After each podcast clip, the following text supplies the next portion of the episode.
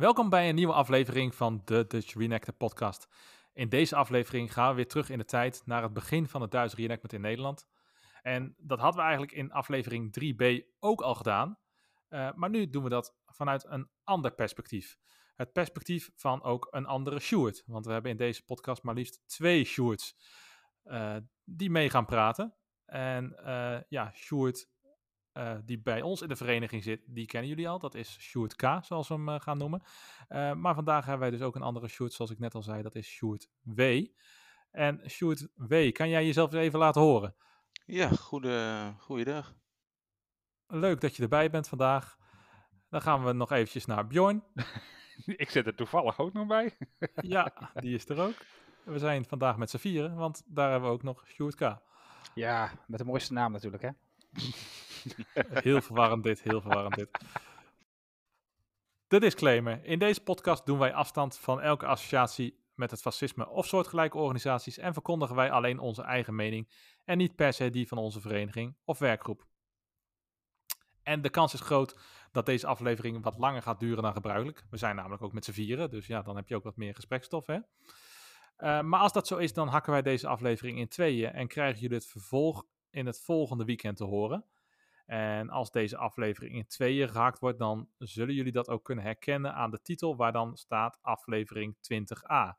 En de volgende aflevering wordt dan aflevering 20b. Zoals gebruikelijk, wanneer wij een nieuwe gast hebben in de podcast, doen wij ook eventjes een uh, introductie. Um, dus het woord is aan Sjoerd W. om zichzelf eventjes ja. voor te stellen.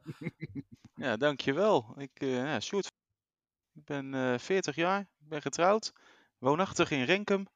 Twee kinderen, in het dagelijks leven werk ik, uh, werk ik in de IT. Dat uh, lang, lang geleden gestart met reenactment, 1999. Zo, dat is echt een hele tijd geleden. Ja, en dan zit ik even te denken, je zegt 40, ik ben 42 en uh, waarom heb ik het dan zo lang over gedaan om in de reenactment te komen? Nou ja. Hoe oud was je in 1999? Ik was in 1999 was ik 17. Ja. En toen uh, ben, ik, uh, ben ik echt begonnen. Ik ben eigenlijk op mijn 16e begonnen met het uh, verzamelen van materiaal. En toen ik 17 was begonnen binnen de hobby in Engeland. Met Brits Airborne Reenactment bij de toenmalige vereniging Vera. En ook een Duitse Weermachtuitbeelding, Veldgendarmerie. Voor de, voor de oud-gedienden, die zullen mij daarin nog wel kennen. Ja, en waarom, waarom ben ik gestart met reenactment? Ik, ik, ik verzamelde al vanaf mijn dertiende militaria. En okay. ik vond het eigenlijk wel een, uh, wel een goed idee om, uh, ja, om het aan te gaan trekken. En ik zag dat ook wel op historische festijnen die er toen de tijd al waren. En ja, ik vond het eigenlijk zoiets van, het, het hangt thuis aan een, ja, aan een hangetje. En het staat op plankjes. Maar ja, daar is het niet voor bedoeld. Je moet er meer mee kunnen doen. En zodoende ben ik eigenlijk langzaam de reenactment hobby ingerold. Ja, maar even terugpakkend op wat je net zei. Je zei dat je be begonnen bent in Engeland, dus niet eens met reenacten ja. in Nederland begonnen. Nee, ik uh, kwam toen de tijd uh, al heel veel in Engeland en nog steeds eigenlijk. En zodoende, ik kwam daar veel op historische festiv festiviteiten. Ja, en reenactment in Engeland is groot, was toen de tijd ook al heel erg groot.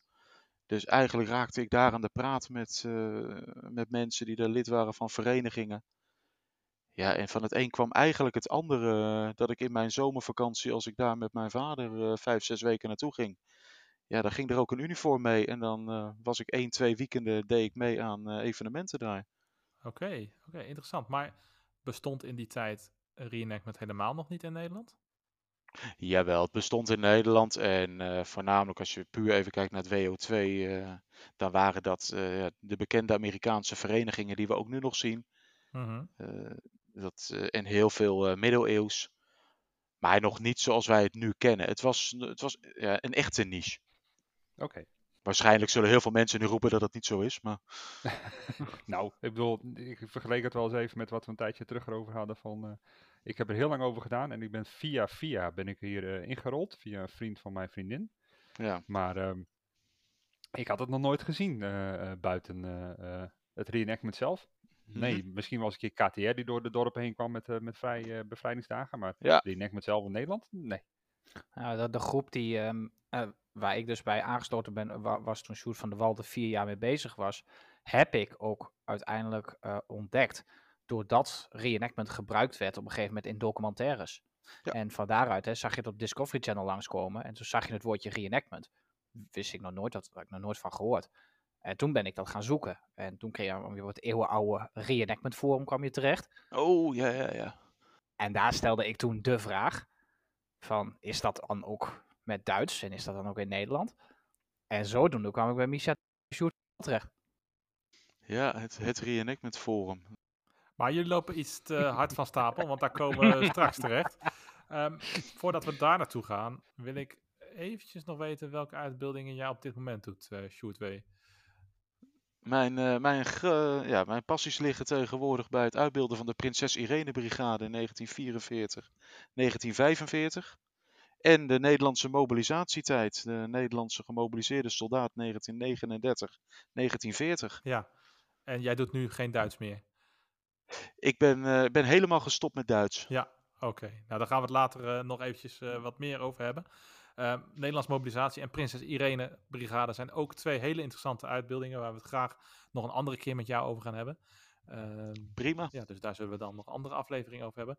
Maar dan gaan we nu toch echt terug in de tijd naar toen er nog geen Duits reenactment was in Nederland. Jij zei van ik deed in Engeland eh veldjendarmen en het was toen Ja. het reenactment in Nederland was toen nog niet zoals dat nu is. Nou ja, ik zou zeggen neem ons terug naar die tijd. Eh, hoe, hoe was het toen en eh, hoe is het begonnen? Ja, het, het was 1999. eh, daar, dat is voor mij mijn aftrappunt. En ja, ik was in Engeland actief.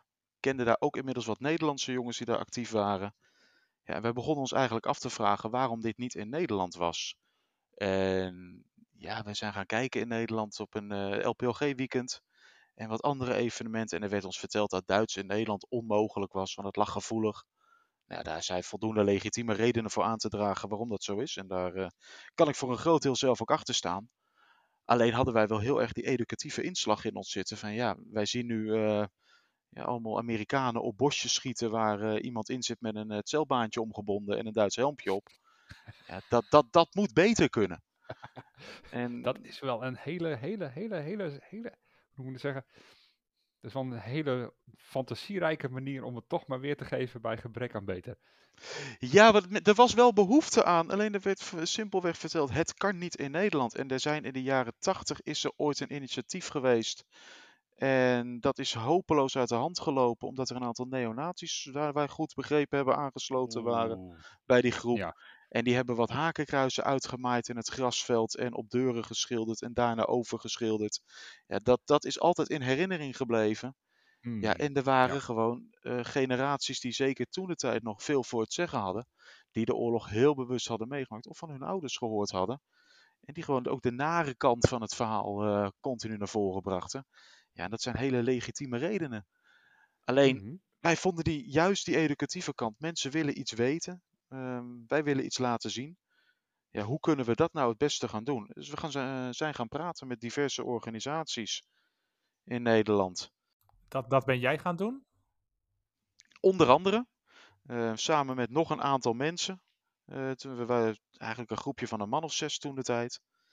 En daar eh, zijn we gaan praten met verschillende organisaties. Ook met het CIDI bijvoorbeeld. Van ja, waarom zou het niet kunnen?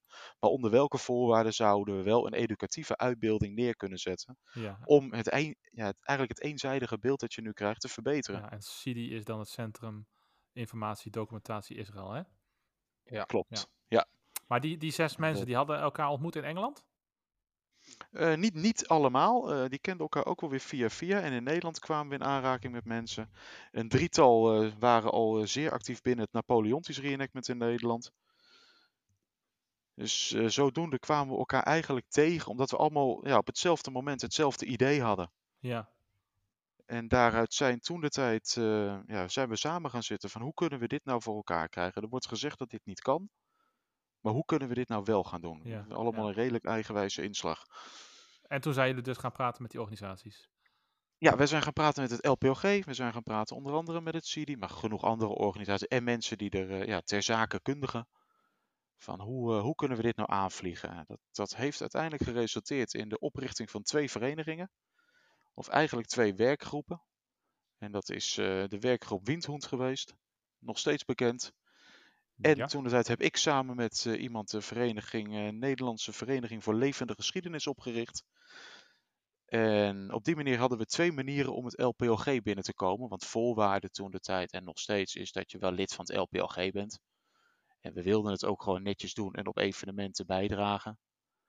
Dus één vereniging zou het op de legitieme manier proberen via de voordeur. Dus netjes lidmaatschap aanvragen.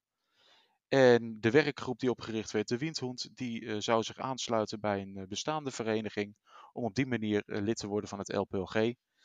Ja, en de afspraak was eigenlijk heel simpel. De eerste die binnen is, dat is de vereniging onder wiens noemen we doorgaan. Het feit dat je zegt van, hey, we kennen de wind toen nog wel, geeft al een beetje aan wat, wat, wat geslaagd is geworden. Ja, nou, de, de Windhoend is uiteindelijk de, de succesvolle groep geweest. En dat eh, zeker ook omdat de mensen die daarbij betrokken waren op dat moment eh, ja, ook al wel bekend waren binnen het wereldje. Bekend uh, binnen het Napoleontisch reenactment en op die manier toch ook een gunfactor hadden. Ja, en de NVLG bestond uit eigenlijk allemaal nieuwe mensen die ook onbekend waren. Ja, dat, dus ze hebben eigenlijk de minste van de, ja, de beste van gekozen op dat moment om voor te gaan. De minste van de twee kwaden. Want ja. Zo werden we echt nog gezien op dat moment.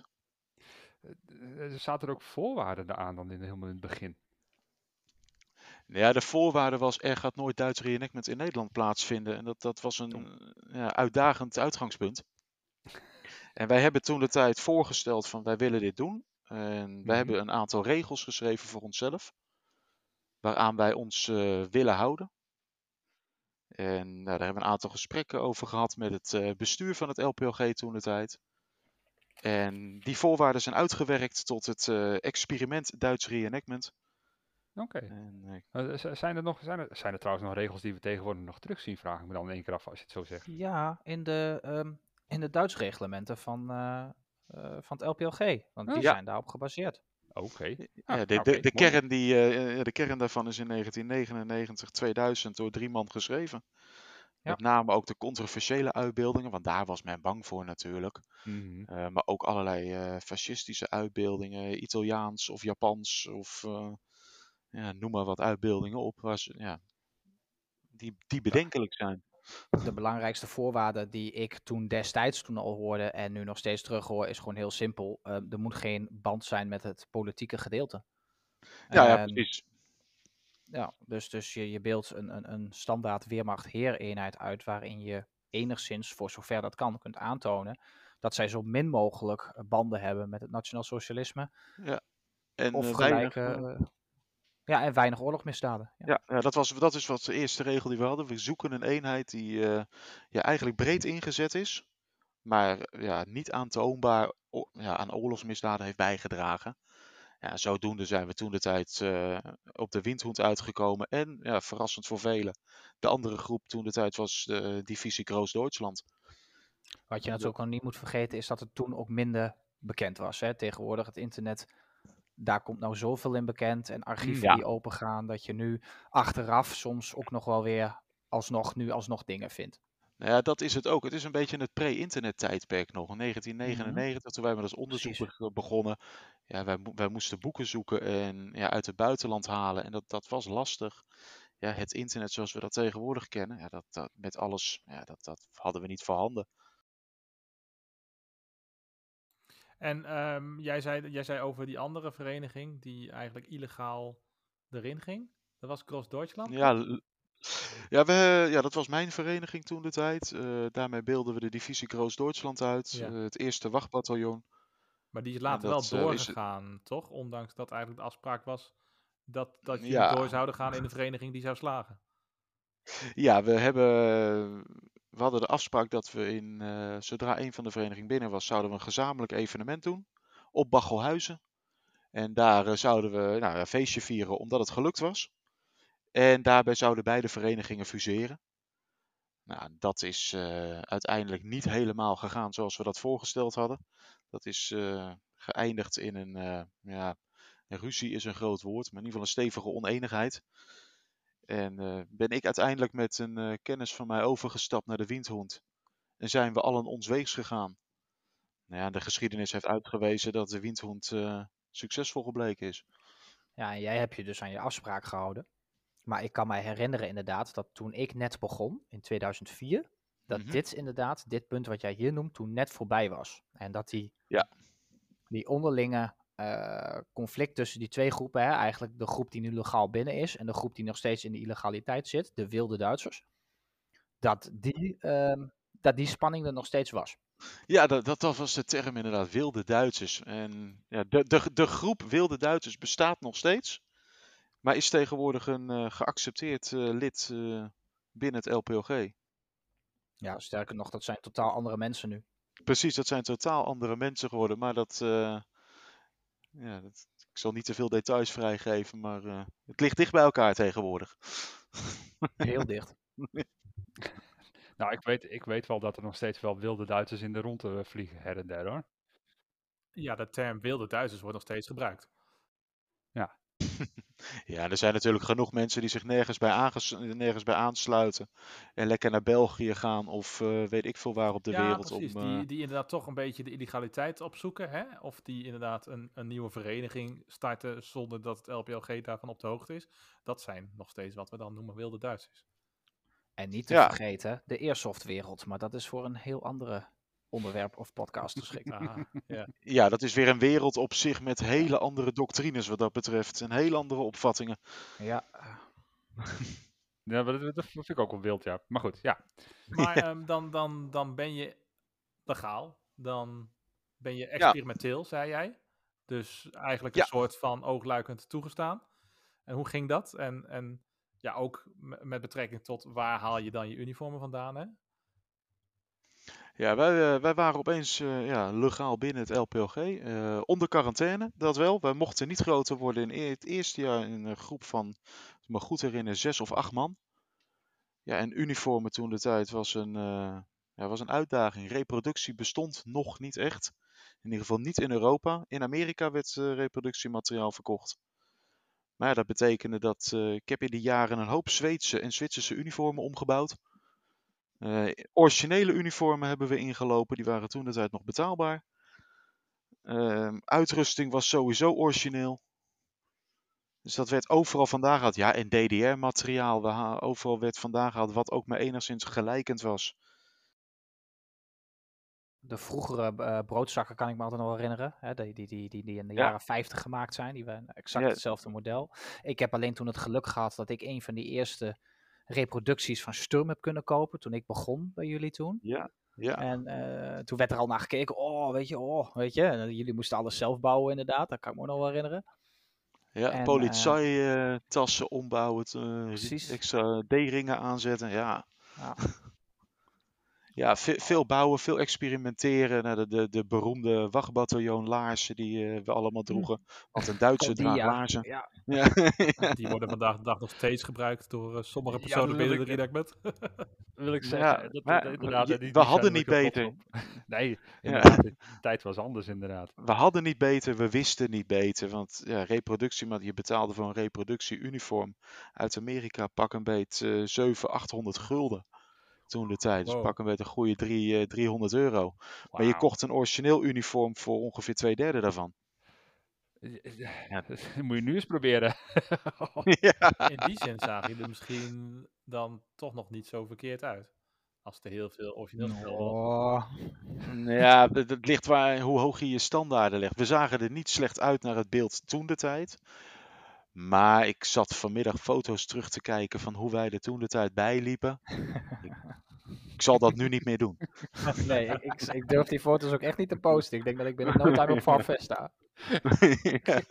Maar je, wat jij ook wel aangeeft, eh Sjoerd, ehm, heel, wat jij heel duidelijk zegt, we wisten ook niet beter. Ik bedoel, hè, wat we net al eerder al zeiden, van die informatie was ook gewoon simpelweg veel slechter voorhanden. Ik bedoel, wisten wij veel Klopt. dat, eh, ik bedoel, tegenwoordig weet je dat bijvoorbeeld helm overtrekken, dat dat ehm, vaak per eenheden of in een specifieke taak werd uitgereikt. En Ja. ehm, nu, eh, dat weten we nu, en dat we ook weten dat bepaalde eenheden die dit dingen wel hadden en bepaalde eenheden ook niet. En dat kun je allemaal Ja. opzoeken op internet. En eh, dat, dat wist je toen niet. Toen zag je een paar foto's en dan zag je Duitsers met helm, helm overtrekken. En dan dacht je, oh, dat is cool, dat doen we ook een keertje. Ja, of volledig in eh splittertank, camo, broek, Bijvoorbeeld. eh, hemd. Ja, die periode, maar ook boeken. Boeken waren duur. Eh, Ja. ja. nog steeds. Een goed boek kost geld. Mhm. Ja, en onderzoek doen, eh, we waren allemaal jonge jongens. Ja. We, we, deden, we deden ons best. Eh, we hadden ook wel, en achteraf gezien, hele goede reproducenten. Die nog met originele stof ook dingen maakten. Op een gegeven moment. Daar moet je de- nu het, het Ik bedoel, ik, Ja. ik vergelijk, trek even vergelijk. Ik had laatst een, van, vanuit, oh, waar zit Elsen nou eigenlijk? Polen? Ja. Van Elsen nou, dan, dan heb je dan ook een petje met originele wol die erop zit. Nou, tik eventjes 200 euro af. Ja, maar dat, op zich is dat helemaal geen gekke prijs. Want dat waren ze toen omgerekend ook wel. Ik heb een splittertuin eh, broek uit originele stof. Mhm. Ja, daar betaalde ik toen de tijd in euro's ook geloof ik 300 euro voor. Oké, ja. Ja, en Ja. inmiddels heb ik hem eh, ruim 20 jaar gedragen en ik draag hem nog steeds in de werkplaats. ja. Alle verzamelaars verfoeien je nu. ja, dat ik wil het net zeggen. Oh, maar dat, dat, dat, vind ik niet zo erg. Dat, eh, het spul is eh, bedoeld om te gebruiken. Mhm. maar als ik, als ik tegenwoordig van origineel spul, de, de echt van spul wat gewoon eh, toen in elkaar genaaid is en nu nog steeds bestaat, de prijs omhoog zie gaan, dan denk ik wel van, wat dat betreft hadden we jullie nog mazzel in het begin. Ja, ja, misschien wel. Ik denk, ja, ik denk het wel. Het is, eh, we hebben het geluk gehad dat we nog in eh, gedeeltelijk originele uniformen konden lopen. Ja, dat is toch wel speciaal. Ga- Ik, ik ga er niet eens meer aan beginnen. Voor mij is het nu zo van, als ik een origineel uniform zou hebben, zou ik het niet eens aanraken. Nee. ja, moet je hypotheek afsluiten tegenwoordig. Eh, ik heb er al één, ik heb er al één. Ik, ik, heb, des- ik heb destijds verschillende eh, eh, broodbeutels eh, zien sneuvelen, zeg maar. Die toen destijds toen 20, 30 euro waren. Nou, nu Ja. betaal je 100, 120 euro per stuk voor. Ik denk, als ik ze toen had ingekocht, zo. ik ben met mijn, ben toen de tijd over mijn gasmaskerbus heen gereden met een kubel. Ja, pech hebben. Twee tientjes had je nieuwe. Ja, precies dat. Maar dat hoef je nu niet meer te doen, nee. Ja, originele Steingrauw broek die in prikkeldraad is blijven hangen. Oh, oh, oh, nou, nou, helemaal, dat is helemaal sneu. Ik denk dat we daar nog een hele aflevering mee kunnen vullen. oh, goed. we gaan weer ja. even door. Ehm, en, en dat experimentele gedeelte waar je het net over had. ehm, dat, ik heb gehoord verhalen van dat jullie achter hekjes moesten. Met, eh, ja, met, met eh, afgeplakte hakenkruizen en dat soort dingen. Kun je daar eens iets over vertellen? Van Ja. Hoe ging dat nou in zijn werking op de evenementen en zo? En eh, hoe ging dat de eerste keer dat jullie verschenen? Ja, vertel eens, Sjoerd, waarom moest ik dat elke keer doen? Waarom moest je dat iedere keer doen? Het eerste evenement waar wij mochten staan in Nederland, dat was het, eh, in het Archeon. Het ATO, het Archeon Theater of Operations. Dat was een eh, bevrijdingsevenement. En daar eh, mochten wij dan voor het eerst met Duits eh, komen. Dus we hadden vrienden uit eh, Duitsland uitgenodigd van een educatief project. We stonden daar met tegen de 20 man, denk ik. Ja, maar in Duitsers die waren eng. En dat hakenkruisen zijn eng. Dus wij moesten dat afplakken, maar we mochten ons ook vooral niet vrij over het terrein bewegen, want een bezoeker zou eens een Duitser tegen kunnen komen. En dus we hadden ja, wat wij altijd gekscherend genoemd hebben, ophokplicht. Dat hebben we vrij lang gehad eigenlijk, nu ik er zo over nadenk. Dat we inderdaad gewoon achter prikkeldraad zaten. En alleen voor een veldslagje erachter vandaan mochten. En overal bordjes op het terrein moesten neerzetten met de waarschuwing dat er, Duitse, dat er mensen in Duits uniform aanwezig waren. Die, dan, eh, ja, die kon je zomaar tegenkomen Ja, in het wild. over welk jaartal spreken we nu dat jullie begonnen in Archeon? Eh, Archeon Theater of Operations was in 2002, als ik het mij goed herinner. 2001, 2002. En eh, dat, dat Ja, was echt ons. Jullie hebben op een gegeven moment daarna volgens mij ook een evenement gedaan in Eindhoven. Ja, Eindhoven, dat, hey, daar Ja. ken je de goede verhalen nog wel van, denk ik. Ja, klopt. En Dus, toen daarna hebben wij toen op een gegeven moment op, op wat grotere terreinen toen evenementen gedaan. En toen ben ik ook aangehaakt. Dat was toen op Havelte. Ja, we hebben Eindhoven, dat was eigenlijk onze, onze doorbraak. Dat was een bevrijdingsevenement georganiseerd door de gemeente. En die wilden er per se Duitsers bij hebben. Want die hadden gehoord van ons. Maar ook dat betekent, we mochten het terrein niet af. En s'avonds groot feest in het eh, gemeentehuis. Nou, wij mochten niet komen. wij werden ook eh, achtergelaten op het terrein. Er was niks geregeld, geen eten, helemaal niks. Dat, eh, ja, toen hebben we om half twaalf s'avonds hebben we de lokale pizzeria gebeld. Ja, die, die, die, die man die had een wereldverhaal naar zijn collega's. Oh, maar, dat- dat- oh, maar die tijd die kon ik me herinneren dat we dat soort dingen toen deden, inderdaad, tijdens die ophokplichten. Ja, Dat je inderdaad, dan zat je daar in the middle of nowhere te wachten tot iedereen klaar was met feesten, inderdaad. En dan ging, mi- Ja. ging, eh, bestelde iemand een pizza, zeg maar, inderdaad. En dan, eh, ja. dan kreeg, kreeg, kreeg, kreeg je daar zo'n zo, zo'n jochie op zo'n scooter en die komt eraan rijden in the middle of nowhere. En die zit echt te kijken, huh, waar is iedereen? Dan komt er in één keer een Duits uit de bosjes. Ja, geef me je. ja. ja, we hadden in, in Eindhoven de, de, de, de, degene die bij onze spullen kwam brengen, die het eerste wat hij deed was zijn telefoon pakken en zijn collega's bellen. van, "Ah, Mo, je hebt geen idee wat ik hier zie. Je gelooft me nooit. ja. Dat kan ik me zo voorstellen. Ik vind het zo jammer dat het, eh, dat in Eindhoven daarmee opgaat. Maar dat is weer een, eh, een ander verhaal. Maar ik heb zelf eh, negen jaar in Eindhoven gewoond en nooit de kans gezien dat daar iets gebeurd is. In ieder geval, meer. Achter, de, achter de campus toen de tijd. Dus ook maar geloof ik één of twee keer georganiseerd. Dat, eh, ja, we hebben door het land heen een lang, lang ophokplicht Ja, gehad. dat wilde ik inderdaad, net nog men eh, gewoon bang was. Ik- eh. Ik, ik ben in 2015 begonnen en ik kan me herinneren dat het eerste evenement wat we hadden, dat daar inderdaad ook nog briefjes opgeplakt moesten worden van hier zijn Duitsers en dat soort dingen. En dat er ook nog sprake Ja. was van dat haakkruis afgeplakt moest worden. Maar dat is eigenlijk het eerste evenement dat ik dat meegemaakt heb en ook het laatste evenement. Dus kunnen we dan zeggen dat dat Ja, tot ik heb het, eh, 2015 zo gegaan is? Nee, niet tot 2015. ik Nee, kan mij her en der wel. wij- in 2006 of 2007 werd het op een gegeven moment een beetje losgelaten. Ik kan me herinneren dat we toen begonnen. Ik begon toen in 2004. Zo in 2005 kregen we echt een flink aantal publieksevenementen. En Ja. toen in 2006 werd het op een gegeven moment wel redelijk gewoontjes. En ik kan mij nog wel herinneren dat ehm, ik maakte er nog wel eens samen met een paar anderen de sport van. Dat als we zo'n ophokplicht hadden, want ja, dat was voor mij dus gewoon realiteit. Hè. Sjoerd is daar eh, natuurlijk mee bezig geweest allemaal. Maar voor mij was het gewoon, ja, ik begon hieraan en de realiteit was dat we ophokplicht altijd hadden. Dus daar maakte ik de sport van om dan op het moment dat we uit ons ophokplicht kwamen, dan er ook zo rauw mogelijk eruit te komen. Hè? De, de gezichten smerig, de munitiebanden om de nek, eh, eh, camouflage op de, op de helmen. Hè? Echt die, die, die, die, die Duitse frontzwijnen. Om dan op die manier zo in één keer naar- uit de hoek te komen van wow, hier zijn de Duitsers. En dan in één keer ook weer te verdwijnen en dan dat hoekje weer in te gaan. Zodat het publiek ook echt zoiets had van wow, oké, dat waren de Duitsers zojuist. En nu zijn ze weer weg. Zoals Ja. dat eigenlijk ook vaker gebeurt in dat soort gevechten. Hè? De Duitsers kwamen en ze trokken weg en ze verdwenen. En dan kwamen de geallieerden kwamen daar en die bevrijden het gebied dan. Ja, nee, dat, dat klopt wel ongeveer. Dat zal eh, rond die tijd eh is groot afgelopen zijn. En er zijn plekken geweest waar het nog wel als voorwaarde gesteld werd. Maar het werd merendeel steeds Ja. eh, meer en meer losgelaten. Ja, daarna inderdaad, rond 2007, 2008, toen werd het op een Mhm. gegeven moment wel vrij normaal. Ja, zeker omdat we toen weer, jij zei het inderdaad al, heel veel publieksevenementen kregen. Ja, we, we werden salonveeg eh, op dat moment. En men kende ons, wist wat we deden. Nou, wat dat betreft, ik bedoel, ik zit er dan nog vrij nieuw in. En dat haalde ik net al even aan. Ik- heb het meegemaakt met een evenement in, op het vliegveld Enschede. De eerste keer dat ik er kwam, moesten we alles afplakken. En eh, dat was ook als een teaser voor eh, dat we daar vaker mochten komen. En we hebben, dat was jij ook, nee, de eerste keer was jij er niet bij, eh Rafael en Sjoerd ook niet. Nog een keer bij een evenement in Winschoten geweest. Dat was ten tijde van het, eh, vlak na het overlijden van de, van de burgemeester daar. Die wilde graag dat er een Duitse ploeg kwam voor eh bevrijdingsfestival. En uiteindelijk, na zijn overlijden, hebben ze het toch doorgezet, ondanks wat eh, moeilijkheden in de stad. En eh, daar hing alles, alle toegangswegen hingen vol met eh, kaartjes van eh, u kunt hier Duitsers tegenkomen.